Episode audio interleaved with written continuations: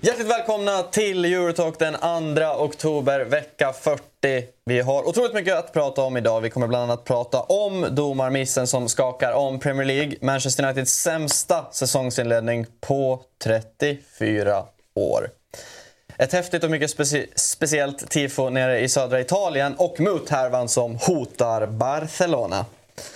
Martin Åslund är här, Marcelo Fernandes är här och Christian Borell är här. Står det till? Jo, jo tack. Pissväder. Bra. Skitkallt ute. Alltså. Ja, nu är det i Ja, oktober. kallt. Kommer Det hösten. Jag tycker fan det var rått. Oj, va? Nej, jag tycker att det var kallt rått är det ute. inte. Ska vi inte välja glädjen och uppskatta hur fantastiskt september har varit? Jo. Jag stod faktiskt på... på vi pratade just om det... vi stod faktiskt igår på, på en, eh, visserligen konstgräsplan, men ändå ute i en villaförort i Spånga på en konstgräsplan. Solen sken, det var väl nästan 20 grader i solen. Och vi konstaterade just det. Herregud vad bra senhösten eller hösten har Det är det bästa. Men vi måste ju ta den stora elefanten i rummet. Christian Borell har nya skor. Ja. Eh, ja, nygamla. De, har stått i en, de är helt nya de. De har ju stått eh, ouppackade då i 10-15 år eller vad det nu är. Väldigt oklart. Men jag var så trött på de andra, det var ju Adidas det också för en del, men jag råkade klippa gräset i dem.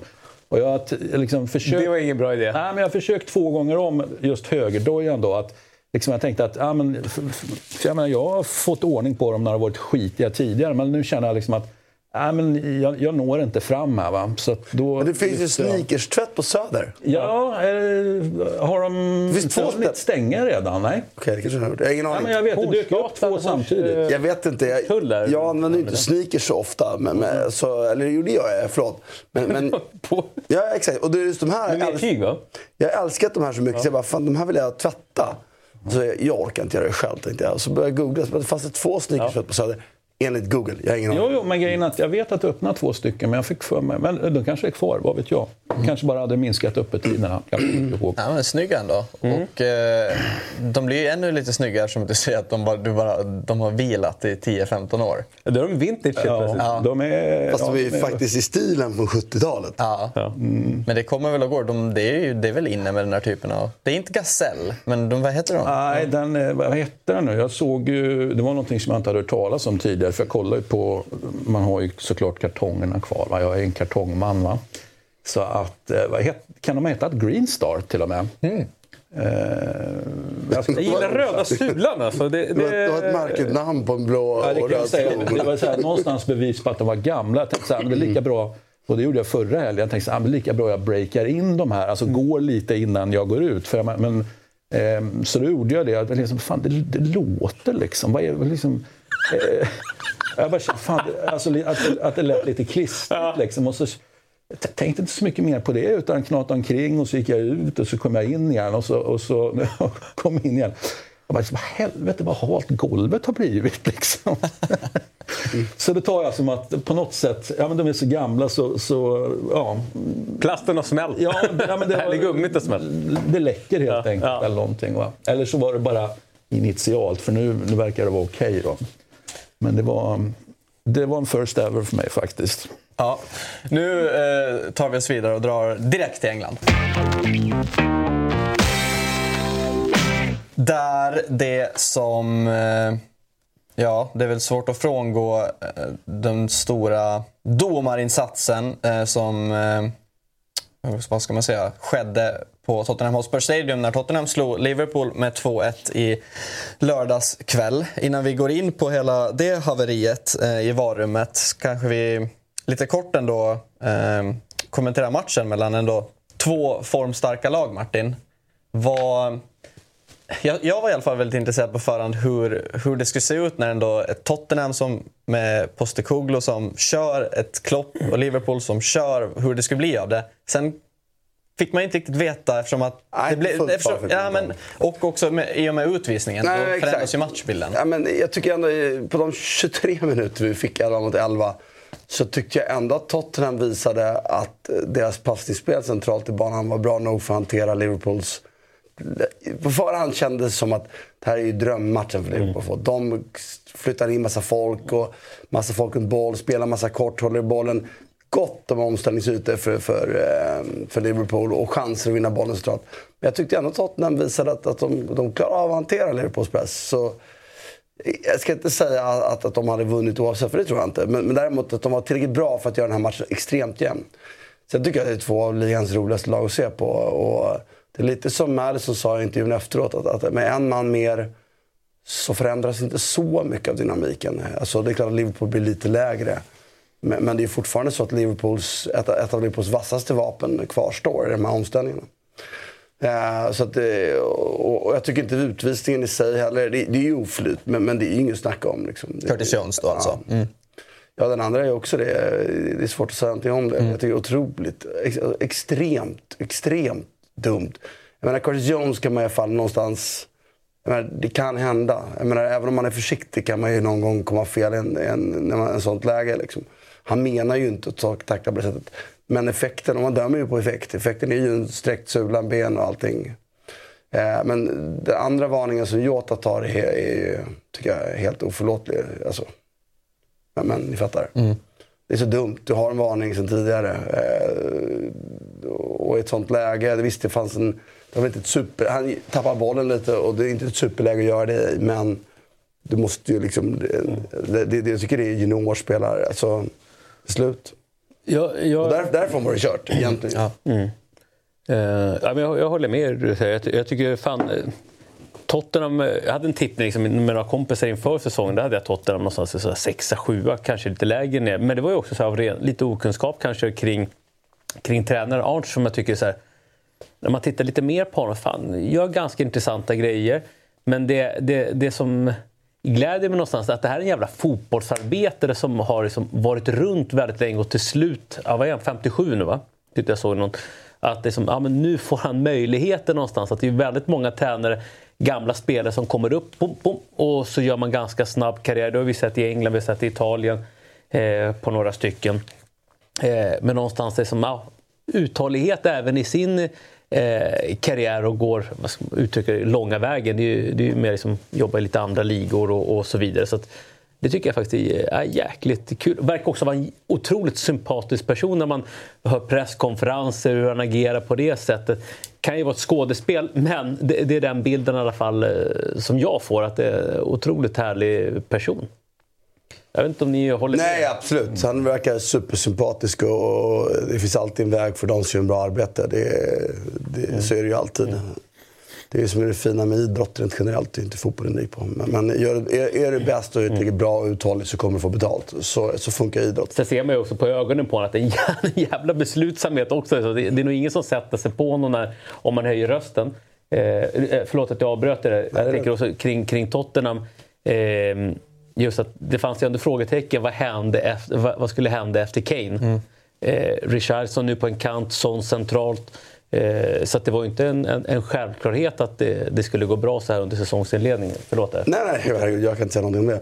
Men, men eh, nej, det, det, det är precis det att, att ingen kunde förutse det här. Alltså, inte ens de som man har haft och koll på med Celtic kunde ändå förutställa sig att det skulle bli så här bra så här fort. Och det är ju några spelare vi har ju berört om tidigare. Jag tycker Bissoma igen, han är brutalt bra. Alltså en av de bästa i ligan. Eh, Madison visste vi kunde vara bra, men att det skulle funka så bra, att han skulle vara så klippt och skuren för hela sättet att spela, det, det kan man ju inte heller föreställa sig.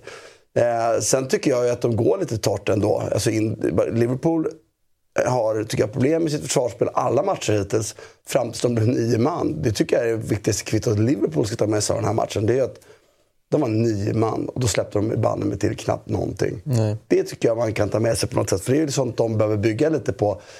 Jag tror inte att Klopp kommer ändra den här balansen någonsin. Om att liksom, de kliver åtminstone tre gånger för mycket match framåt när de borde falla. Men det kommer man inte ändra. Men det finns också en känsla i att, att, att, att ta med sig ändå i det här. Vi kunde hålla stången nio man. Mm. Så att, eh, och sen eh, sagt, ett sånt där fel, domarfel, det är liksom helt ofattbart att, att det kan ske. Jag tycker det är... Det, det är, och när vi sitter i studion och pratar om det. Jag tyckte inte ens att vi skulle ta upp det. Man utgår ju från att något sånt fel kan ju inte ske. Liksom. Eh, det är en sak vi såg tidigare, Aston Villa-matchen då när Sagnola är offside, Brighton. Jag tycker det är solklar offside. Men visst, det är, domaren bestämmer, det är en bedömningsfråga. Helt fel beslut tycker jag, men det fan, han bestämmer han så bestämmer han. Liksom. Eh, och är teamet då. Eh, men, men här är det ju inte... Det här får inte ske. Nej. Och bara så två domare i bussen. Det var och mm. assisterande och bara, var. bara för att förtydliga det. Jag gissar att alla har koll på situationen. Men det är ju så att eh, Luis Diaz blir frispelad i, när det fortfarande står 0-0 i mm. första halvleken. Gör mål. Domarna vinkar för offside. Eh, och det blir en VAR-check. Och det som händer då är att Darren England som sitter i VAR-rummet tror att eh, domarna på plan har blåst för mål. Så han, han säger ju bara att VAR-checken är avslutad. Men i, i själva verket har man ju på planen dömt offside. Så de tror ju helt, två helt olika saker. Så det är kommunikationen som... Ja, men det, är helt, alltså det, det, är ju... det, det, får inte ske. Nej. Men när man ser så här vinkel, man har ju sett sådana här förr, när man bara, det är onside. Och så är det någon lutning på mm. överkroppen så är det offside. Man bara, ja, ja. Det är som den där bollen i VM som, som man tänkte ja, på, någon, på någon kort tid. Fan, den är ute och så får man en annan vinkel. Så, eh, så att, men, men att man ens... Att det inte finns protokoll som hindrar en sån enkelt fel. Det fattar jag inte. Och det finns det ju. Att det har man inte följt på något sätt. Nej, men man får inte gå, sådana här situationer kan man inte gå tillbaka. Gula kort och röda kort. Nej, nej, det får man ju vad jag menar är att ett protokoll, när, när det gör en VAR-check ska det finnas ett ah, protokoll. Mm. Jag menar, det, det har de ju, för mm. det här är ju liksom... Alltså det utgår ifrån, eller förlåt, det är helt hundra på att de har. Det är juniornivå helt enkelt. Det är inte ens det. Det är ju faktiskt liksom... Och sen, sen ska man aldrig ha... Mänskliga faktorn är ju... Eh, jag menar, i tider när vi väldigt mycket pratar om självkörande bilar och risker med det så... den mänskliga faktorns fel är nog större. Nej, men det och jag är en, oftast en stor försvarare av att inte liksom, gå med 0% fel. Och jag tycker att liksom, man kan inte räkna med att alla fel inte, inte begås fel. Liksom. Det, gör vi, det gör vi som människor hela tiden. Liksom. Men det här är tyvärr förbi det. Och, helt oförståeligt. Och det, ska, det är klart att det här hade förändrat matchbilden. För ett Liverpool som kan ligga lågt och leda med 1-0 och ändå ställa om. Drömmen. Alltså, då får inte Jota den andra ut. Alltså, det är sällan jag tycker att dom, domslut blir... Alltså det är klart att det kan påverka matchbilder, men efter VARs intåg så är det ju ändå färre och färre. Och det ska man inte glömma bort i allt det här. Att VAR har ju tagit bort majoriteten av de här matchavgörande felen. finns ju inte längre.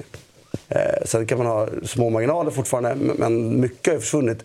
Och jag som satt i studio för och pratade innan VAR. Vi gjorde ju liksom domslutsfel varenda jävla sändning av den här kalibern. Alltså som var helt orimliga. Vi får ju se vilka effekter. Nu, alltså, effekten i ett kortsiktigt perspektiv är ju liksom...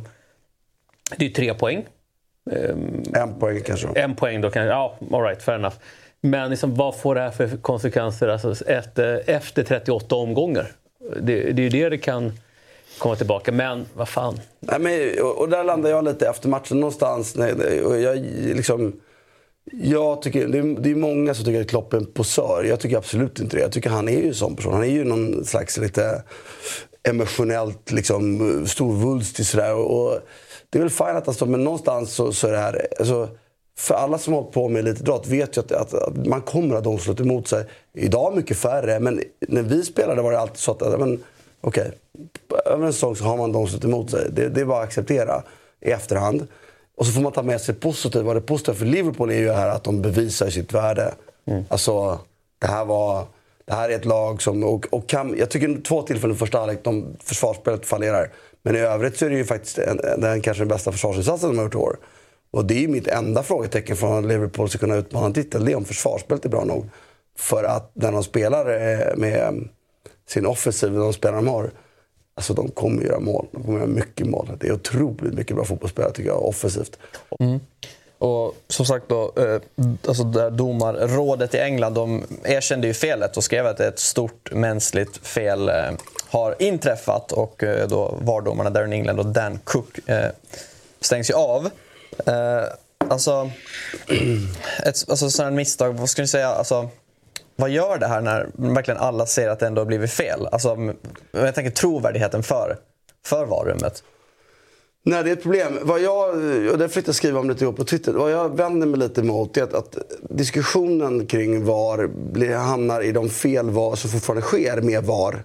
Och då är det sällan VAR det är fel på, utan då är det användandet av VAR. Det är fortfarande alltid, nästan alltid människor som är felen. Liksom. Vi har väl haft få tekniska fel på alla de här åren. Mm. Eh, så, och, och, det är väl rimligt att, att folk känner att det liksom var så ska det inte bli något fel. Men jag tycker det är fel utgångspunkt. Någonstans jag har läst tre olika undersökningar, jag kan inte siffrorna helt i huvudet. Men jag, skulle, jag har för mig att det landar mellan 75 och 85 procent av alla fel har eliminerats tack vare VAR. 75 85 procent vad det nu var. 80 procent färre fel med VAR än innan VAR. För mig som då... En av de saker som störde mig mest när jag spelade var ju att, att, att dåliga domslut kunde påverka liksom vår prestation så mycket så stör det mig mer med felen än vad den här pausen det innebär. Men det är ju det man måste diskutera. Är det värt att få bort eh, 75 eller 80, 85 procent av felen mot att du får de här eh, pauserna i spelet som det blir? Och den, det är ju den diskussionen vi ska ha. Vi ska inte lyfta upp de fel som fortfarande görs och säga att ja, var är värdelöst? För de har missat lite liksom, jag ska inte säga att det är obegåvat, men lite obegåvat är det ju ändå allt att hamna i den diskussionen. Mm. Jag köper, jag är ingen så här, för mig är inte VAR, jag, jag lutar ju klart åt att jag föredrar VAR. Men jag köper liksom känslan av att hellre ha fler fel och ha mer flyt i matchen. Fine. Mm. Jag är, jag bara, men det är där diskussionen ska hamna, inte om, om att peka på... Och det är ju där vi har haft den hela tiden. Vi, ja, vi har ju haft... Vi har absolut. Sagt, mitt men, stora problem har alltid varit pauserna, rytmen. Ja. Vad händer med sporten som jag ja. känner den? Eh, och jag håller, jag håller verkligen med. Alltså att det, det är de två valen som ska ställas mot varandra. Absolut. Så att, problemet blir med, med en sån här grej, det blir att det blir den här gruppen av människor eh, som vill flytta det till att vara värdelöst för att det fortfarande här blir fel. De, de har lättare att göra poänger och, och det blir... Det, det, tycker jag blir synd i det hela. Och jag har inga problem med... Jag, är, jag, kan, jag kan irritera mig när jag ser Allsvenskan att vi fortfarande sitter av eller domar fel på ett sätt som vi skulle bli av med. Men vi faktiskt, majoriteten vill inte ha, det, ha VAR. Och jag kan köpa det också. Så det är, inte, det är ingen hjärtefråga för mig. Men... Eurotalk är sponsrat av EA Sports FC 24 och Kalle, ditt Chelsea har det ganska tufft i verkligheten just nu. Hur går det för dem i din FC 24-karriär egentligen? Tackar som frågar. Det går rätt fint faktiskt. Jag har lyckats värva in Vinicius Junior och lira med honom som nia, tror det eller ej. De behöver ju verkligen en nia Chelsea. Fastna nu inte i verklighetens Chelsea-Kalle. FC24 använder visserligen tre nya banbrytande tekniker för att få spelet att bli det mest realistiska fotbollsspelet någonsin. Men det är fortfarande du som har makten i spelet. Ja, Vinicius Junior ser sjukt realistisk ut. Det finns över 1200 unika löpstilar för spelarna i FC24, så det har gjorts ett gediget arbete. De har analyserat mängder av videoupptagningar från verkliga proffsspelare, så de ringde ju inte direkt oss och bad om att få filmsnuttar på när vi spelar. Nej, vi fick snacka om spelet istället, på det området där vi betrodda. En till riktigt fin sak med EA Sports FC24 är att de har rättigheter till ligorna vi pratar om här i Eurotalk och ungefär 30 ligor därtill. Det är bra. Vem hade du gett högst ranking i spelet? Oj då. Um, Alexia Putellas eller Erling Haaland skulle det nog bli då. Mm, du är överens med spelmakarna. De två delar på första platsen tillsammans med Kylian Mbappé. Det är respektingivande att ha sådan koll alltså. ja, de gör jobbet där borta på EA Sports. Nu är det bara att längta hem hela hösten och hoppas att din FC24-karriär smittar av sig på verkligheten. Det hoppas jag med. Vi säger stort tack till EA Sports FC24 som sponsrar Eurotalk. Poddtips från Podplay. I fallen jag aldrig glömmer djupdyker Hasse Aro i arbetet bakom några av Sveriges mest uppseendeväckande brottsutredningar. Går vi in med hemlig telefonavlyssning och, och då upplever vi att vi får en total förändring av hans beteende. Vad är det som händer nu? Vem är det som läcker? Och så säger han att jag är kriminell, jag har varit kriminell i hela mitt liv men att mörda ett barn, där går min gräns. Nya säsongen av Fallen jag aldrig glömmer på Podplay. Nej, men det jag tänkte säga är ju bara för att jag menar, en av de uttalade fördelarna med att VAR är just för att det ska skydda domarna. Och, men vad ska ni säga, blir frågan att alltså, om inte misstag nu som, som de här infekterar ännu mer eftersom att VAR finns? Alltså jag vet inte, VAR finns ju inte till för att skydda domarna. VAR finns ju till för att ge ett rättvisare ja. utfall av matcher. Men indirekt?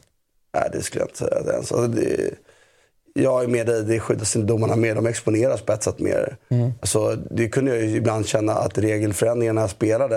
när de kommunicerades. Att, att en, ibland, ibland fick man känslan att de, att de gjordes för att liksom, öka utrymmet för domarna att göra fel. För att de inte skulle bli utredda. Alltså, så det, jag tror inte det här exponerar domarna på ett sätt mer, absolut. Eh, och, äh, alltså, grunden till VAR är, är, att vi vill ha färre fel. Och jag förstår de som vänder sig mot det för hur spelrytmen förändras, för det gör den.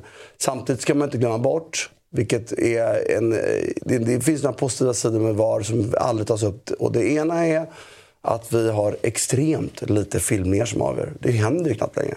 För filmningar plockas ju bort av VAR. Så det är ju en, en, det som många tog upp som det största hotet mot sporten har VAR lyckats eliminera.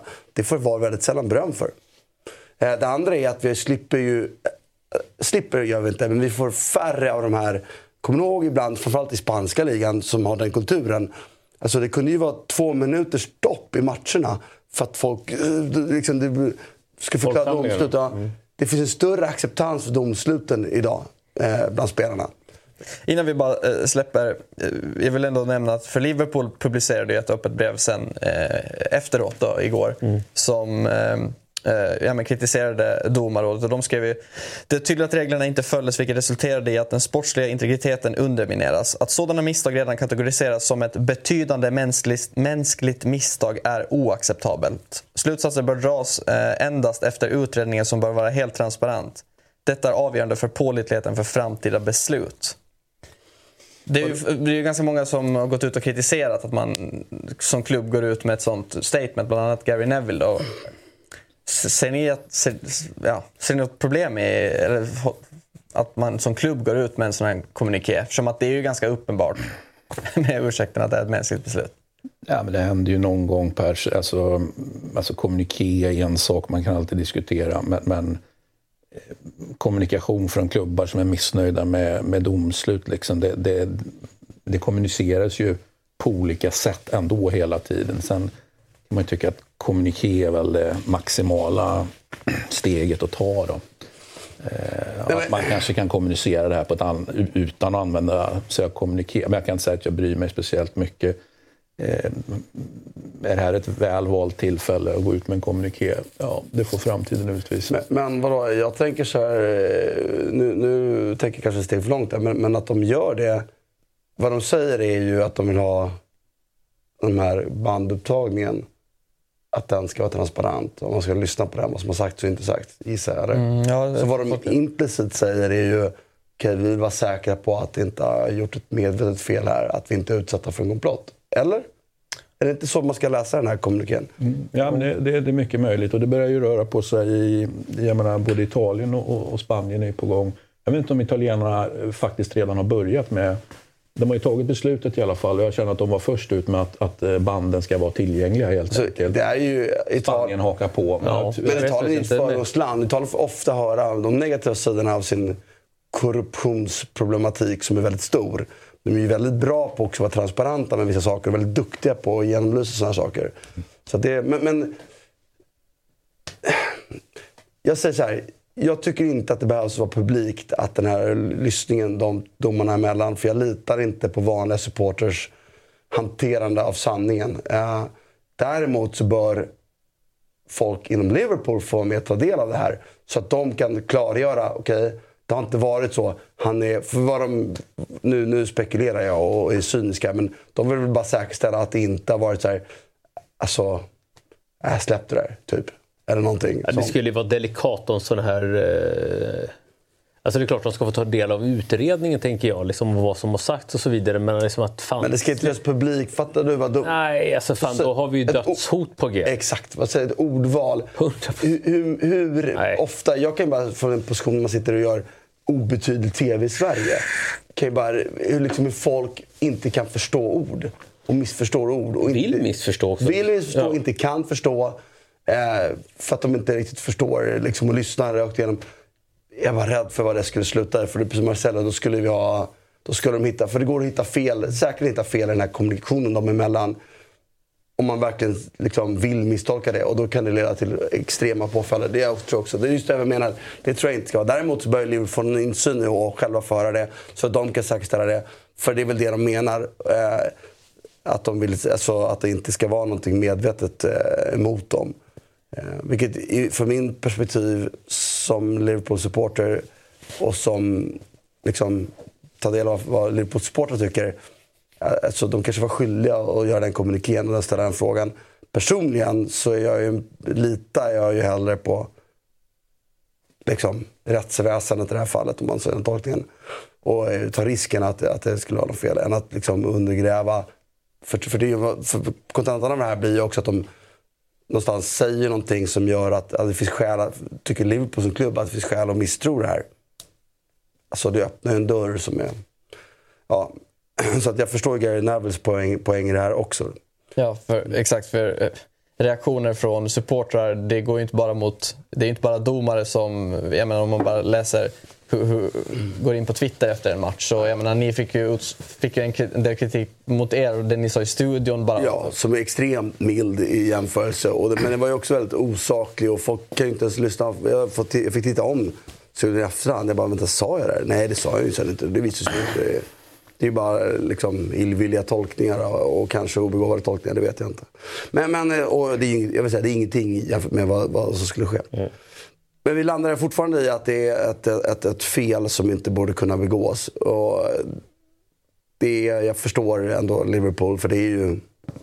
Alltså, jag förstår att det är det. Jag tycker det är skillnad som med, med den straffen som United skulle fått emot sig. Eller offsiden nu mot Saniolo i matchen mot Brighton. Nu tar jag bara inte de värsta sakerna, bara som finns i mitt huvud innan någon tycker att jag är enögd. För det får man ju också annars höra. Eh, Men eh, jag förstår att, att sådana såna fel får man acceptera. Det finns domslut och de bedömer. Mm. Eh, Det är skillnad. Apropå det med alltså, transparens, att man får höra varummet. Det var ju efter eh, Arsenal-Manchester United för några helger sedan. Så då var ju Howard Webb, som är, han är do, ja, men, domarbasens chef, eller vad, vad hans titel nu är. Så det var ju en studio i England. Så då gick de ju igenom, då fick man ju hänga med varummet och eh, Anthony Taylor tror jag det var som dömde när de kollade den här straffen på Havertz. Men då var det ju också där VAR kliver in och gör rätt beslut och tar bort en straff. Det kan man skicka ut. Det tycker jag var kul att lyssna på för jag hade aldrig hört hur det verkligen låter när de pratar mellan varandra när han är på planen eller spelar runt omkring. Men man vet ju också att exemplen som man får utåt är ju kanske när det har gått rätt till. Det lär ju inte skickas ut några någonting från, från den, den, de här typerna av händelser. Nej, och sagt, och det är kanske inte... Vi den stora massan kanske inte behöver veta allting heller. Utan det kanske räcker med att folk man kan lita på vet att du sa. Det där kommer bli, det där kommer bli svårt tror jag för, framöver. Jag tror säkert att det, som det kommer finnas tryck att vi ska höra mer i sändningar kring vad som sägs mellan domarna. Men det blir också en sån här integritetsfråga. Liksom. Klart.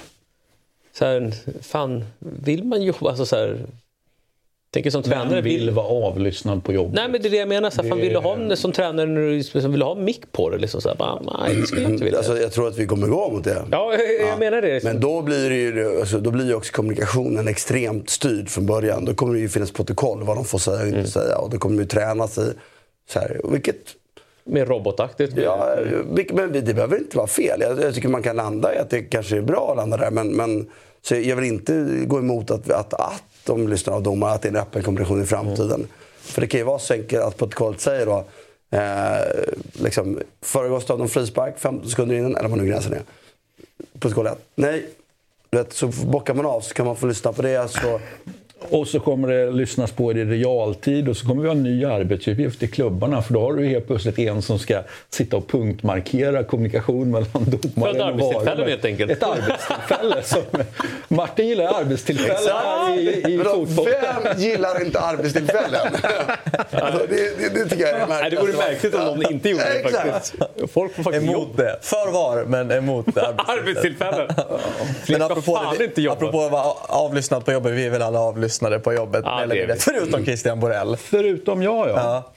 Ja. Du Men du blandar dig ändå med oss här nu, så du är ju lite i risk. Ja, men- ja, men jag säger inga... eh, Jag är försiktig här.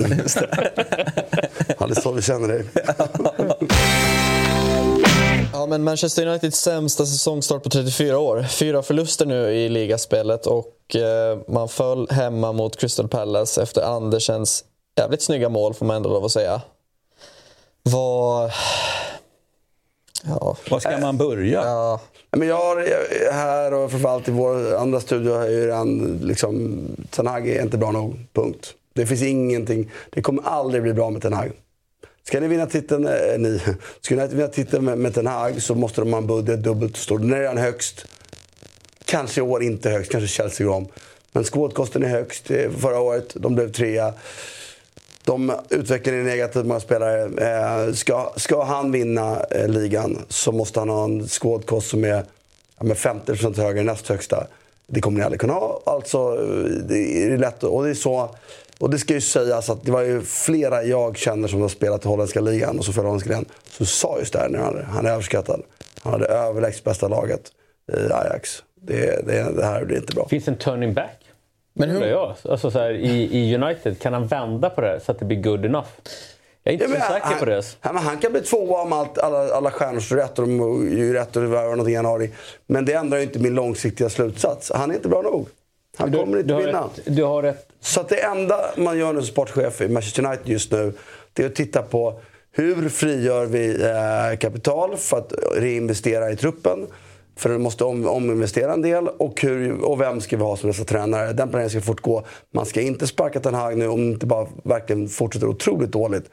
För att, eh, alltså, går man in i ett vinterfönster och inte är runt en femte, sjätte plats med häng på Champions League, då kanske man måste förändra redan nu. Men, men man Du tror måste... inte att det sker i nästa internationella fönster?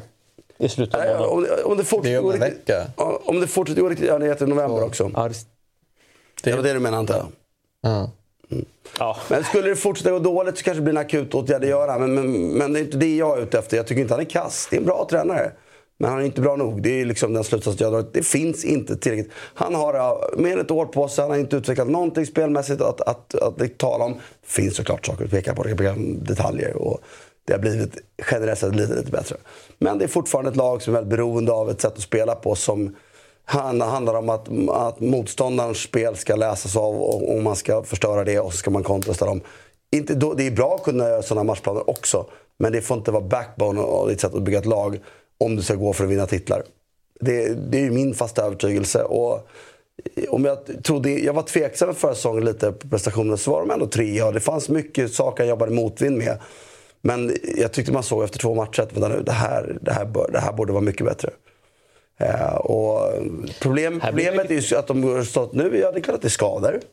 Men, men jag, du kan förlora matcher och spel, men du ser ju inte det här spelet. Du ser inte idén som ska föra, vad ska föra det här laget till toppen. Och det ser man inte det efter så här lång tid. Du, du, liksom, jag kan inte se om man kan ha en annan slutsats än att han inte är bra nog.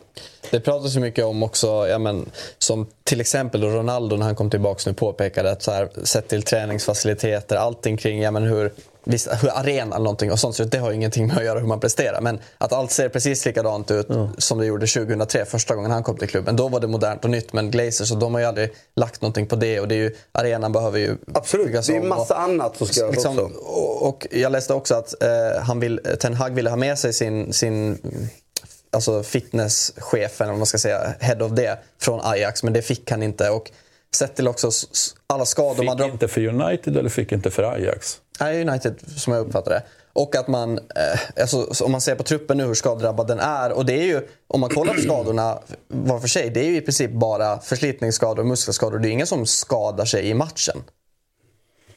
Det är ju, det är ju ändå ett problem. Han har ju, han har ju aldrig tillgång till bästa då. Ja, och jag vänder mig inte mot de bitarna. För, för, men skadebiten eh, är, är det som gör att utfallet av hans lagbygge blir ännu sämre än vad det skulle vara. Liksom.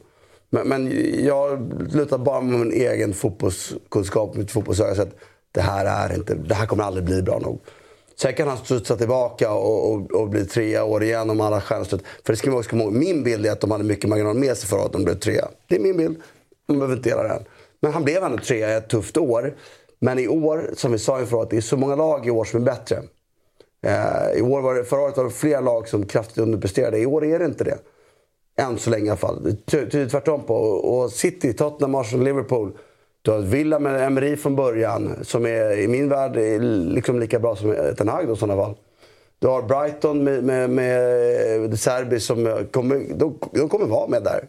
Fast de inte borde vara det. Newcastle. Det är så många lag här plötsligt. som är bra. Så det är inte så många räddningsplankor.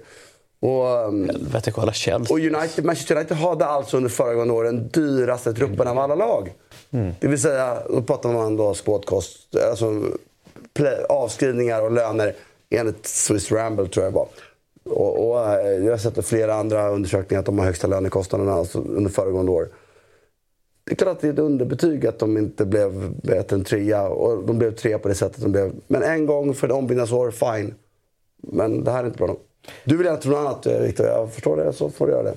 Och jag vet att vi är Manchester United-fans. Nej, men det, det, det menar jag inte. Jag ville bara lyfta några andra aspekter. Men Och sen- och sen- vem tittar man på då? Nej, som ska nej, komma Sen in? finns det ju annat som måste göras också i klubben. Men, men jag, jag är ju fast övertygad om att en riktigt bra tränare i de miljöer som, de resurser som finns kan göra extremt mycket bättre. Ja, vi släpper England och drar till Italien. Ja, Milan känns som 2, att de är Lazio kvar 0 då?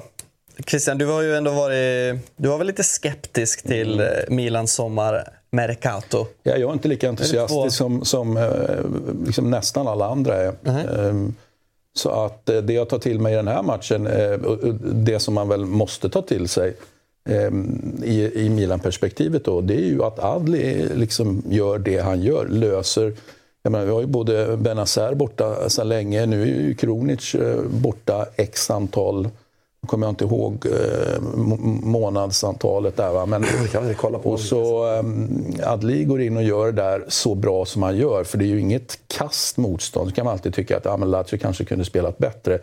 Men han gör det ändå mot bra motstånd. Två matcher i rad också. Ja, så att, eh, det, det tycker jag... Det imponerade på mig.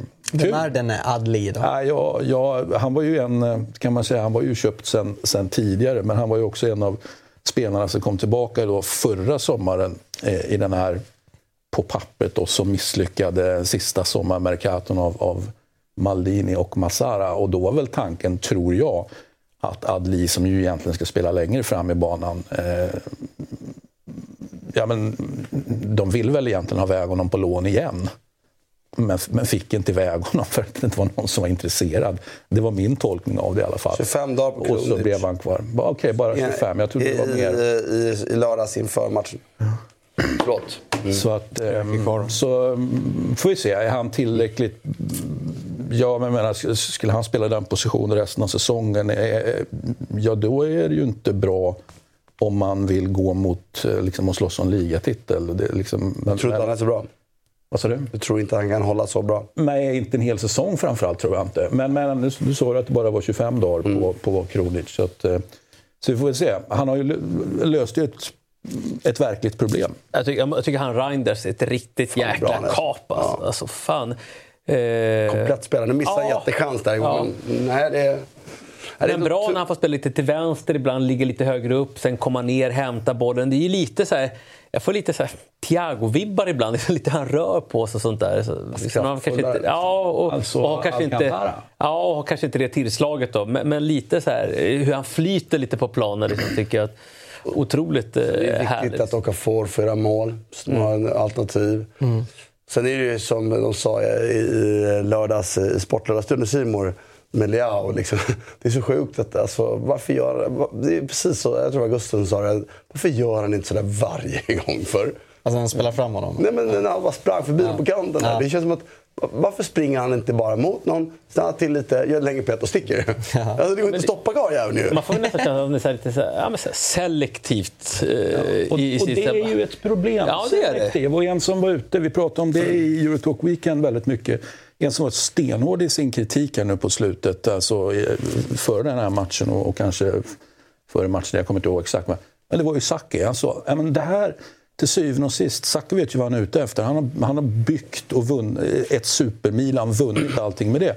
Man kan tycka vad man vill om Sacke som så att säga, fotbollstyckare då, att han ja, säger saker som, som man kanske inte alltid håller med om. Men, men här pratar han om saker och ting som sker i Casa Milan. Och han är ju förvisso Silvio Berlusconis Milan, men Sacchi är ju Milan. Han sa att till syvende och sist så kommer det här beteendet, om man fortsätter att vara selektiv som du säger, eh, så kommer det vara Milans svaghet. Och jag är otroligt mottaglig för eh, för den eh, analysen. Eh, Sakis analys är ju liksom att det, det, kommer inte bli tillräckligt homogent i omklädningsrummet så länge han beter sig och alltså inte tar... Säkert tycker att han jobbar ju inte tillräckligt. Han vill väl ha mer hemåtjobb såklart. Va? Eh, och jag tycker det är en jättespännande diskussion. Nej, men däremot, jag, jag, jag, jag tror inte han menar eh, jobbet främst. Jag menar den här förmågan att vara bäst alltid, som de stora spelarna han hade i sitt lag. Det här att vara... Men de jobbar ju hårdare. Eh, liksom, han, ja. han nämner ju också det. Ja. Det blir lite semantik här från det jag skulle säga. Men för mig då, blir han, då är han inte liksom absoluta elit. Alltså då är han inte världsklass över tid, men han har världsklassaktioner. Liksom ja, lägga, lägga, lägga in, lägga in en sån grej. Liksom. Vad är världsklass egentligen? Nej men vadå, det Saki säger, för jag har försökt för den, är ju att det här, med Liao kan det här laget inte bli som mitt, lag, mitt Milan blev. Och det har han rätt i. Mm. Liao alltså att de inte kan? blir som hans Milan var. Det lag som är bäst Nej. och vinner allt. För att du kan, du, kan inte tillåta det off. Liksom. Det är ju liksom Nej. stora spelarna. Mm. Återigen, man bedöms inte på sin högsta nivå. Man bedöms på sin lägsta nivå när det är de riktigt största, största, största lagen. Sen är ju Leao en spelare som fortfarande, där Milan är, för det här Milan-laget är inte ett lag som ska vinna allt. Det är som, mm. De har ju ett eller två år bort. Då är fortfarande här en fundamental spelare den resan. Och under den resan kan han kanske bli den spelaren mm. Zacke pratar om. Men han behöver bli det för att de ska bli Zacke, Milan bra. Mm. Det har han ju rätt i. Jag delar den analysen. Däremot tycker jag att det, liksom, där de är nu så är han ju Alltså, han är fundamental ja. för det här laget. För ska det här laget åka och slå Dortmund i veckan Ja, det krävs att Liao har... Och, och det sköna är åker de och möter PSG. Har Liao en bra dag, då kan faktiskt han eh, göra att de vinner mot PSG. Alltså, ja, det jag, är unikt att få en som spelare där Milan är just nu. Jag håller verkligen eh, med i det. Alltså det så här, vi ska ju inte så, trycka ner honom på det sättet. Men Milan har ju två nyckelspelare. Det ena är precis Leao som du är inne på. De kan spela dåligt, det är saker som inte kan funka. Men de har alltid en, av, en så kallad avlastningsspelare. Han kan stå lite högre och skita i att jobba hem. Men bam, du trycker bollen så kan han driva upp den till, till eh, offensiv straffområde och skapa situationer. Och den andra är ju Magnon. Det är samma sak där. Där kan de vara under belägring, men han är så jäkla bra. Alltså det, det mm. var också en jättestor skillnad också förra året. När de har, nu har de en bättre backup i Sportiello. Förut var det Tata Rosano som var ju... Fan, det var ju, det var ju ett såll i, i mål. Liksom. Det visade sig vara ett såll. Vad sa du? Ja, det visade sig vara ett såll. Ja, otroligt svagt. Sportiello är ju otroligt eh, kompetent. Nu hörni, ska vi prata... Det var, det var show i dubbel bemärkelse i Salerno eh, i helgen. Både från Lautaro och jävla Pink Floyd. Ja, vi ska komma in, det var ju alltså... Eh, hemmasupportrarna hade ett tifo, ett tredelad, en tredelad tifo-koreografi som, ja, som rullar här i bakgrunden. Allt med referenser till just bandet Pink Floyd. Då. Och först då är det en, en stor målning av omslaget till skivan The Wall från 79. Som, ja, vad snyggt hur ja, det sattes ihop. Som sen, som sen växlades ett budskap ut och översatt till, från italienska. Du kommer alltid att hitta oss här på månens mörka sida. Som en anspelning till Pink Floyds hyllade skiva The Dark Side of the Moon som fyller 50 år i år. Mm. Otroligt. Och sen, det är inte slut Nej, är det inte det? Nej, nej, nej. Och sen till slut då så kommer texten eh, eh med en, som är en referen referens till Shine on you crazy diamond som är ett musikstycke i nio delar från albumet Wish you were here. Kommer här då. Alltså jag tycker den är... ja, det var maffig ja. Och säga vad man vill, eh, alltså, jättefint, jättefint. Men som man älskar den där sjöhästen. Alltså, alltså, jag tycker det är så fint klubbmärke. Ja, ja, ja. Sjöhästar åt alla och bra tifo åt alla. Också den där kortsidan, den är så maffig den där. Ja, det wall är mäktig. Så när jag spelade ner så var det ju typ tomt på de andra läktarna. Så var det bara folk där. Men i alla fall, alltså, som en förklaring till att Salernitano-supporterna väljer att hylla Pink Floyd och 50-årsjubileet av The Dark Side of the Moon, att vi, vi har inte riktigt hittat någon. Också ja, försökt det... höra runt till andra... Jag har ingen aning. Nej. Ja, men de har ju spelat. Du, du, ser ju här, alltså, de är ju extremt stora i ja. Men de har ju De är ju ja. stora över världen. Men, men eh, jag, jag har ju eh, till exempel eh, en god vän, Abitso, som jag har varit här flera gånger. Han rent åldersmässigt borde ju överhuvudtaget inte gilla, han borde vara alldeles för ung för det här. Man älskar Pink Floyd över allt annat och det tar jag som till, ah, men just det, var kommer du? Ja, ah, just det, du är från Neapel. Ja, ni, ni älskar Pink Floyd där nere. Det är inte svårare än så. Kände du av det, Pink Floyd? Nej, att, feber. Att, feber när du bodde där? men, men, det är ändå långsökt får man ju lov att säga. Mm. Även fast man gillar det. finns väl band som men vi älskar sin många... forska vidare här för ja. det måste finnas. Jag, jag har bara sett tifo att inte riktigt orkat. Liksom. Du, kanske kan, du kanske kan dra i några trådar då? jag kan kolla, men jag kan messa några folk som bor där nere. Mm. Om de kan ge en bra förklaring. Men vad, vad, tycker ni om Pink Floyd då? Är det en favorit? Dire Straits har ju inte gått hem när jag har nämnt dem här i studion. Nej, Pink Floyd är inte en favorit för mig. Nej. nej. Svar nej. Eh, jag, jag, har ingenting så att säga, emot dem på det sättet. Men, men ingen favorit, nej. Jag har lite samma känsla som Dire Straits. Att det är inte lika trött på dem. För Dire Straits, som jag utrett redan här, kom liksom... Det var allas favoritband när jag började spela Allsvenskan. Ja, men Pink Floyd, eh, nej, det har inte satt sig på samma sätt. Men jag och min mamma växte upp, eh, min mamma lyssnade mycket på 70-talet. Så det, liksom, det har funnits med när jag växte upp och jag är ett bra band. Men jag är inte sådär frälst. Men vad fan. När jag lyssnade musik på, på, så säga, på 80-talet, då hade de börjat göra soloalbum och såna där. Så, så det är egentligen mest det jag relaterar till. Att de liksom, ja, kanske hade sin storhetstid bakom sig. Jag kommer inte ens ihåg om de hade så att säga, splittrats då eller vad. Men att det började bli soloalbum med, med Gilmore och uh, vad han nu heter. Han det är ju faktiskt eh, Popeye. Ja, det är mäktigt att de är... Ja, kan du säga en låt med Pink Floyd, Marcelo? Nej. men, men, jag, jag, jag var bara fråga Jag såg att du... Jag såg det. On your crazy diamond. Wish you were here. Jag är så otroligt svag på just eh, musik. Absolut sämsta lagkamraten man kan ha om man ska vara med i någon sån här musikquiz. Jag, jag, jag, jag, jag, och du läser inte böcker heller. Kultur som... Bara fotboll, man.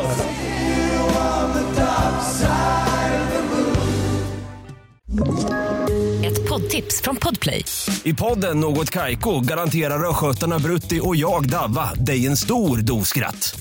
Där följer jag pladask för köttätandet igen. Man är lite som en jävla vampyr. Man har fått lite blodsmak och då måste man ha mer. Udda spaningar, fängslande anekdoter och en och annan arg rant. Jag måste ha mitt kaffe på morgonen för annars är jag ingen trevlig människa. Då är du ingen trevlig människa, punkt. Något kajko, hör du på podplay. Därför är gardinerna. Barcelona slog Sevilla med 1-0 efter att Sergio Ramos olyckligt gjorde självmål. Och matchen mot Sevilla var Xavis 100 match som huvudtränare i Barcelona. Endast tre andra tränare har fler vinster på sina 100 första matcher i Barcelona. Det är alltså Luis Enrique, Pep Guardiola och Ernesto Valverde. Samtidigt har klubben förlängt avtalet med Xavi. Det nya avtalet är skrivet 2025 eh, och ska enligt uppgift innehålla en klausul som gör, gör, att det förlängs över 2026 om Barcelona vinner La Liga eller Champions League. Martin, du har ändå varit lite kritisk mot Xavi, eh, egentligen sen han tog över och senaste tiden också. Sen tog över var jag inte kritisk mot Xavi, jag var, kritisk mot att folk såg massa saker som inte ja, fanns. Precis. Jag men gör, vilja se saker. Men sen, gör Barcelona fel att förlänga med honom nu? Nej, det tycker jag inte. Men jag tycker inte att han är... Jag, jag ser ju fortfarande inte... Menar, för mig har de en otrolig jävla trupp. Jag tycker inte de spelar fotboll därefter. Eh, och, och, den truppen ska ju vara semifinal i Champions League. Och det är klart att man kan förlora ligan mot Real Madrid, för Madrid är inte heller dåliga. Så att, eh, men då ska man vara med hela vägen fram. Men, men eh, det, det, det, är också La Liga som är historiskt svag, får vi ändå säga. De är ju liksom... Eh, många av de här tränarna var verksamma när La Liga var bäst. Och det är det ju inte längre. Någonting de är bäst och, på i Spanien i alla fall. Bara sett, bara sett, och Reikards nästa 50 matcher var, var rätt bra efter de här. Så det gäller att Men Xavi är inte dålig. Han har bara inte visat för mig att han är en bra tränare ännu. I min värld så har han eh, den bästa truppen. Eh, alltså, jag tycker inte ens att Real Madrids trupp är lika bra. Och jag tror det är inte många trupper i världen som är lika bra som Barcelona. tycker jag. Eh, och jag tänker inte fastna i diskussion, för det är inte det som är poängen. Poängen är att truppen är väldigt, väldigt bra han har hittills underpresterat mot vad hans trupp... Eh, och då menar jag inte de vann ligan. Utan i Europaspelet har de ju underpresterat gravt genom att missa Champions League-spelet och dessutom åka ut tidigt förra året. Låt vara mot Manchester United, men man blev ju sönderkontrade liksom. Mm. Jag vill bara addera att, att de, herrarna på topp, där, de topp tre, de hade ju en, en speciell spelare i sitt lagbygge som Xavi inte har haft. Eh, det är liksom, de, de, hade Leo Messi, det, det måste vi ändå liksom komma ihåg.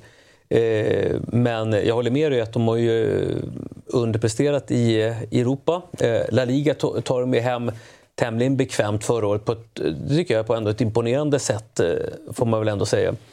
Eh, sen blir det intressant att se i år. Nu, nu är ju liksom, eh, det de, gruppen de har i Champions League är gjord för att de ska gå vidare. De borde ha gått vidare förra året också. Hade några jobbiga olyckliga så skador och domslut kanske med, eh, mot sig i några av matcherna. Men skitsamma, de tog sig inte vidare och sen åker ut mot, mot ett United så småningom. Eh, så det är väl det frågetecknet som finns kvar för honom. Eh, sen är ju Champions League delikat. Det är ett dubbelmöte, du behöver inte alltid vara bäst. Eh, du kan spela bra och åka ut. Eh, eh kvartsfinal, semifinal, det är väl åt det hållet de borde gå. Så det är svårt att, hitta motargumenten på det, eh, på det sättet, som, på det du är inne på Martin. Eh, det jag ville komma till, eh, för att backa tillbaka till bandet, till den här matchen mot Sevilla. Eh, eh, och då vill jag liksom bara, Sergio Ramos, eh, vart lite, lite out och varit skadad.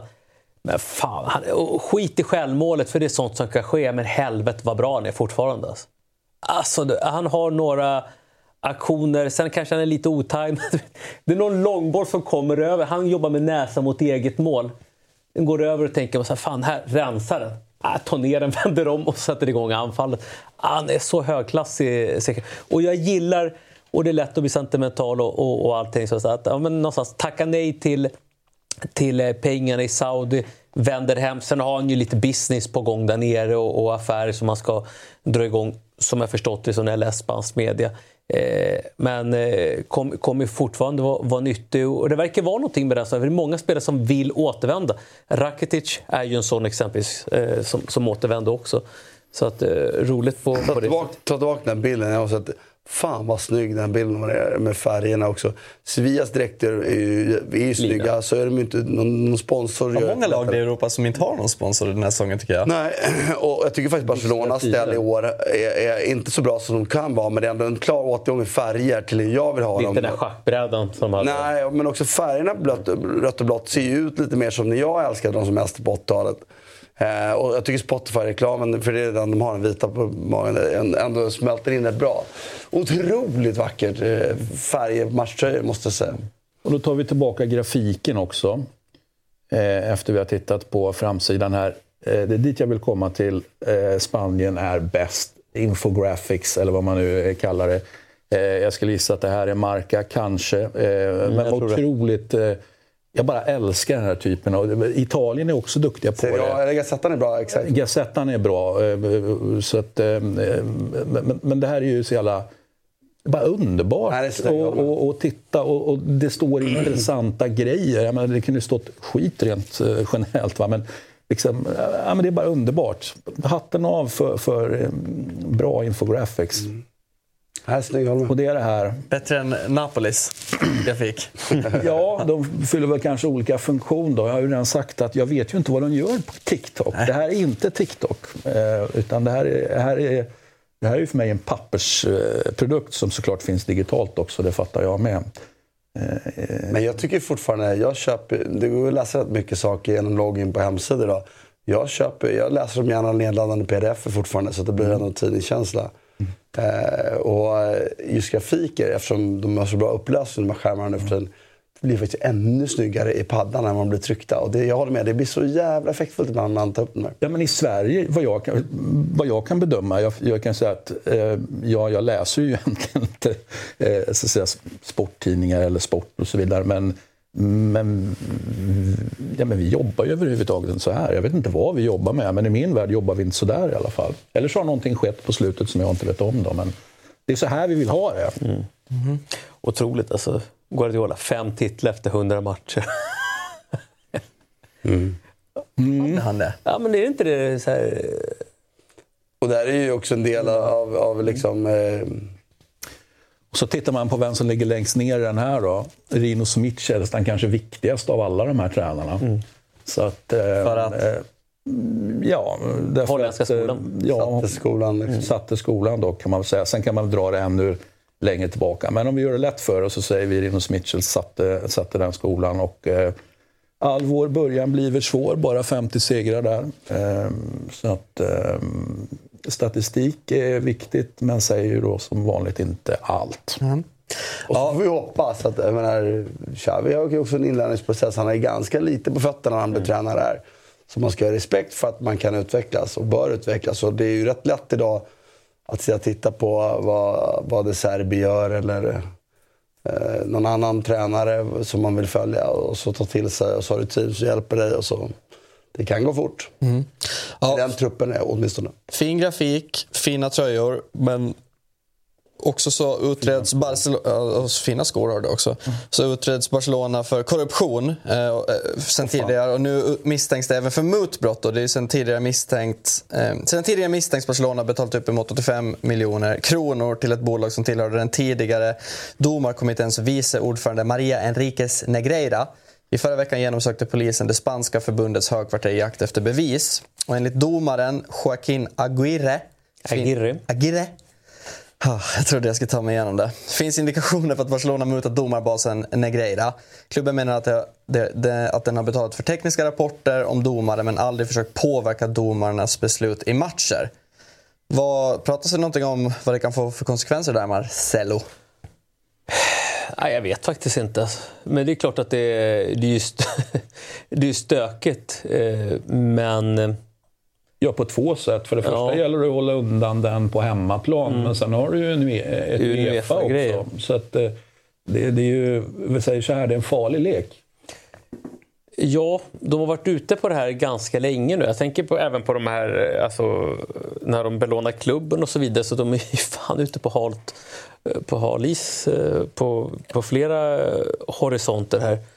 Eh, Det tycker inte jag är ett problem med att sälja rättigheter. Det har vi pratat om tidigare. Det, det är ett sätt att ta betalt av framtida intäkter. Det, det tycker jag är... Det sker ju inom... De, det, det är överreglerade fotbollens värld så sker det inom de re- regleringarna. Jag tycker det här är ju ett mycket mer stort problem. Jag, tror, jag, jag är övertygad om att, att, det, att det korruptionen är ganska stor i spansk ligafotboll. Eh, Och eh, medlemsägda klubbar medför större korruptionsmöjligheter, tror jag. Eh, Så att jag tror att fotbollen överlag. Undrar- Korruption finns ju överallt. Liksom. Men frågan om det här är en sten man vill lyfta på. Liksom, för att det som lyfter du på den här och du går på de här eh, på Barcelona. Det så kommer du bara hitta en Real Madrid, Atletico Madrid, du kommer hitta de andra klubbarna. Och det är så bara, uff, kommer de vilja göra det? Och då kan, man ju titta, då kan du titta på nästa korruptionsgrej. Så här, ja, men, fast spanska ligan och Spanien behöver Barcelona, behöver Real Madrid för att det ska vara konkurrenskraftiga, alltså turism och så vidare. Så att, Fast med Tebas vet man inte. För Tebas Nej. var han ute efter att ha undrat många gånger. Han är lite osäker. Ja. eh, Jag vet, för han, han, gör, han gör ju inte ligans eh, dragningskraft någon hjälp Nej, som han agerar just nu.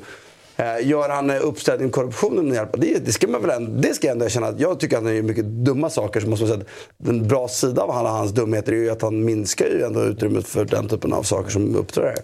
Jag tror ju att, att, att bevisas det att, att det är korruption så går man upp på personlig bestraffning. Det är väl det rimliga att man gör.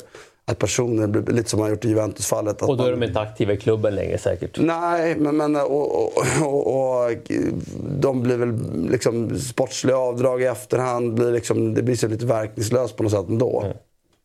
Eh, och, så det är min gissning. Men det, är ju samma sak de har gjort. De domarrapporterna har man köpt. Eh, och den som, inte, den som tror att det bara är rapporter, ja, det, det tror jag Det är faktiskt naivt ju. Så att, att det, nu, nu har man ju bara liksom tagit det juridiskt ett steg längre. Och jag, ja, jag tycker, och jag tycker det är ett mycket större problem det där än att man har sålt rättigheter i förtid. Liksom. Eh, Fan vad mäktig arenan är. Alltså, tänk när den blir... Ja. nu att de den är om den. demolerad nu. Ja, den är Ja. längs backen. Får se om det blir en ny eh, brandvarnare. Spela har bort du? korten, eller? Han börjar spela bort korten direkt, eller? Vad sa du? Nej, ja, det är liksom, ja, men, eh, vi får väl se om man lyckas spela bort korten. Så jag skojar lite med Ja. det. Jag sa att du gjorde det. Liksom, ja, arena. Man, eh, om de kan lyckas sopa det här under mattan. Liksom, det, det, Ja, men det tror jag att de kommer göra. Eh, på så sätt att, eh, lite som du är inne på, att klubben i sig kanske, eh, kanske inte liksom straffas på det sättet. Eh, utan att det blir liksom att man hittar, hittar individer och då kan man hitta tidigare presidenter och så får de k- klä skott för det. Något huvud kommer ju behöva hängas, så är det. Sägs- Eller att Uefa också följer det här ärendet då. Om Barcelona ses som skyldiga till dessa misstankar så finns en risk att klubben kan uteslutas ur europeiska turneringar. Ja, gör de det, alltså då måste de ju... Ja. Jag tror inte det... Jag tror inte det ja, det hände ju med Juventus faktiskt. Ja. Så att, eh, vem vet? Ja, vad fan ska de vara så jävla anala i det här? Alltså, då, då, kan, då måste de ju börja titta på hela, alla som är de här ägargrejerna som med, med pengar från Saudi och hela de här grejerna. Alltså, vart, vart, vart fan ska det ta stopp någonstans? Alltså, hur mycket ska de fördjupa sig i allting? Det... Men det, det man bevisar måste man ju bestraffa ändå. Liksom. Även om det ja. även om vi alla är, överens, är. Även om vi alla är överens om att, att det här inte är något unikt. Mm. För det är jag helt säker på att det inte är. Eh, och det är lika med helt säker på att Juventus inte var unikt. De, det är möjligt att Juventus, likt Barcelona, tog det ett steg för långt. Eh, som gjorde att det inte, men, men hittar man felen måste man bestraffa det. Mm. Eh, och, och men frågan om de gör det kollektivt eller individuellt? Ja, men, mm. Så som eh, Victor är inne på, det skulle de visa, så det, det tror jag nog att de kommer göra i Uefa. Och. Mm. Men, men eh, vi får se. Och framförallt kan man ju då, det är så kul att se de finansiella rapporterna för, från Barcelona. Jag tror att de, om jag läste rätt så skulle de göra 300 miljoner euro. Alltså de gör ekonomiskt... Det var väl det de gjorde i vinst förra året? Nej, 150 miljoner va? Euro. Okay vinst. De gör ju otroligt... Alltså folk pratar om att de har dålig ekonomi. De, ju, de har ju en skuldsättning att jobba lite med. Men i och med att man har sålt de här rättigheterna i förväg så... Alltså, och så har man en lönetak man jobbar mot. Så, så på pappret gör man ju otroliga vinster just nu. Liksom. Och ändå får man inte... Jag, jag måste lära, försöka ta tid att sätta in i det lönetaket. För mig är det helt ofattbart att det fortfarande är ett problem. eh, och, och, det känns extremt kontraproduktivt som det är skrivet. Men, men Mm, men kanske ännu ett bevis då på att, på att Tebas är, är... He's on a mission. He's on a mission på vissa mission? grejer. Och för what? Om inte jag läste han helt fel, han har ju en bakgrund i Real Madrid. Men, mm. Om inte jag fast, läste fast en del, en del. Jo, men det, är ju ändå, det slår ju mot Real Madrid. Det är klart att Real Madrid måste ha Barcelona med sig på något sätt ändå. Liksom. Mm. Ja, det här, ju, det här går ju att ordna. Det, det tror jag ju. Men, eh. En annan snackis som det blev i, jag vet inte om du tänkte ta upp det, men en annan snackis det blev i, i, i Spanien i helgen var ju eh, Nachos överfall på, på Porto i, i Girona. Eh, alltså i 93 minuten. Så... Seriefinalen. Ja, seriefinalen. Nej, men han klipper ju honom liksom upp mot, upp mot knätrakten. Eh, där... Varför då? För? Snedtänd eller? Nej, jag vet inte. Alltså, fan, det, är inte den bilden man får av Nash. Att han är inte ute efter att skada. Men det blev ganska stora efterspel eh, eh, efter det. Liksom, där, där eh, eh både Nacho gick ut på sociala medier och bad om ursäkt att han aldrig var ute efter att skada någon spelare. Att det, det är inte som hans intention. Eh, jag tror att det är nog en snedtändning som, som ni är inne på. Och sen gick även eh, eh Florentino Perez ut och bad om ursäkt ur Real Madrids vägnar. För det var en ganska stökig eh, tackling liksom med dobbarna här uppe.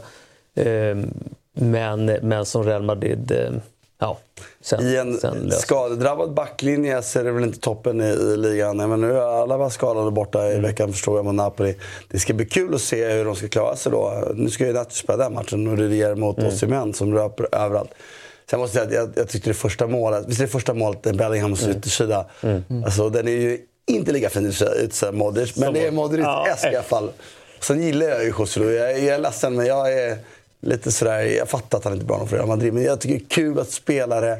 Som, Får en chans att ja, exakt, och få vara på den nivån. Och han kommer göra massa mål. Han kommer avsluta med 15 mål. Liksom. Det... Och apropå mittbackar, eh, tog vi faktiskt inte upp Nathan då eh, när vi pratade Italien, apropå den matchen vi nu ska prata om. Nu ska han gå mot... Men han var de ganska bra i den här... Ja, han har ju varit det nu när han har börjat spela. Då. Eh, så att det, det, det är många möten mm. i den matchen som ska bli väldigt spännande. Det ska bli så kul att se. Det är imorgon va? Mm.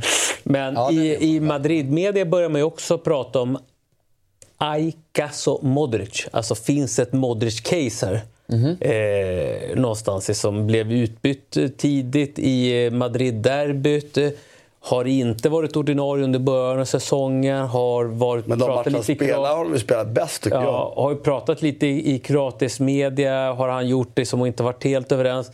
Och sen kom det då lite rapporter igår kväll att eh, han har träffat en viss David Beckham och käkat middag med och liksom är det inte Miami som flörtar eh, och är han på väg bort. Eh, så att det är lite lite sådana grejer som, som börjar blossa upp i, i den vita, eh, vita huvudstaden. Samtidigt, det som fan, är det någon är det som... ganska väntat att han är på väg bort efter den här säsongen då, eller? Ja, det skulle, det skulle jag säga. Eh, med tanke på att de har ju ett otroligt starkt mittfält. Det får vi ändå, måste vi ändå säga. Eh, där Bellingham någonstans bara tickar i alla jävla boxar för att li, eh, lira den. Och det skulle jag vilja rita på, kanske om två veckor, om någon vecka lite här. Just Bellingham och hans roll i förhållande till Benzemas roll förra året. Att de spelar på liknande positioner, kanske skiljer några meter liksom här och där, utgångspositioner och rör sig, men fyller liknande funktion. Eh, för Benzema var också väldigt fri. Benzema var ju inte bara en nia. Det var ju en playmaker, han la ju assist, han var ju en länkspelare, han var ju allting. Han var en sexa, en åtta, en tia. För fan, och en nia i ett. Eh, och han börjar fylla lite de funktionerna också.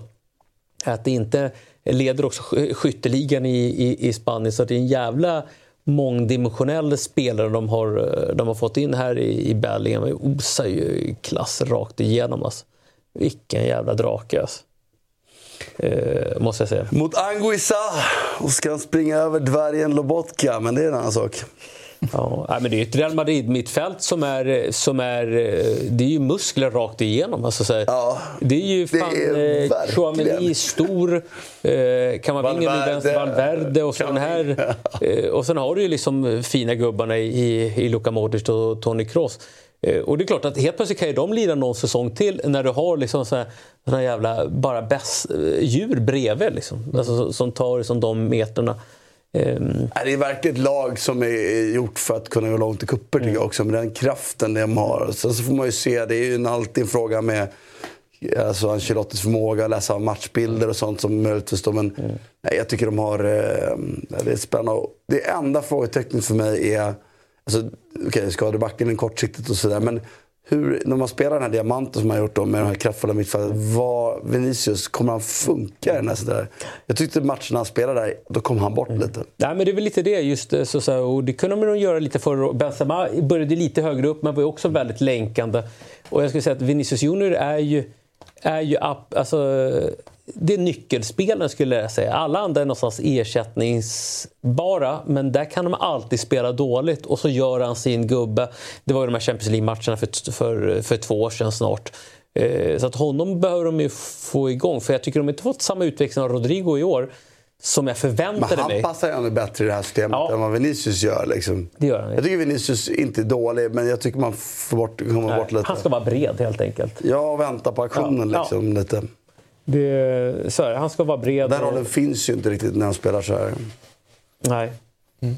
Det, det, det, skulle ju vara att spela ett 4-3-3 med Valverde lite högre upp och skjuta ner Bellingen på ett mittfält. Liksom. Det, det, är väl det, så de skulle kunna laborera lite med. Eh, men otroligt bredd, otrolig bredd i den här truppen. Brahim Diaz har ju kommit in och gjort det eh, bra också för den delen. Eh, så att Ehm, sen måste vi någonstans... Han ändå tillhört Real Madrid alla de här åren. Ja, ja, det, det är fan det, bra Real Madrid. Sen han har fått vi... två år gratis utveckling i Milan. Ja. Sen måste vi också nämna eh, Girona i det här fallet. Eh, liksom så här, är det en klubb, de är ju med i, i hela City eh, Group. Eh, det är ju Pep Guardiolas brorsa som är inne och, liksom och fingrar i det här laget. Du har lyssnat på en lite kortare variant utav Eurotalk i och med att du har poddlyssnat. Om du vill se hela programmet så finns vi på Dobb-TV. Eurotalk alltså där för 49 kronor per månad, årskort 599 kronor. Eller om du vill så finns vi på Youtube där du klickar in ett medlemskap och det kostar 89 kronor per månad. Där ser du oss live men också hela långa programmet. Men du har alltså som sagt var lyssnat på podcasten, en timme lång ungefär. Men om du vill ha hela så går du in och bällar för det. Tack för att du lyssnar.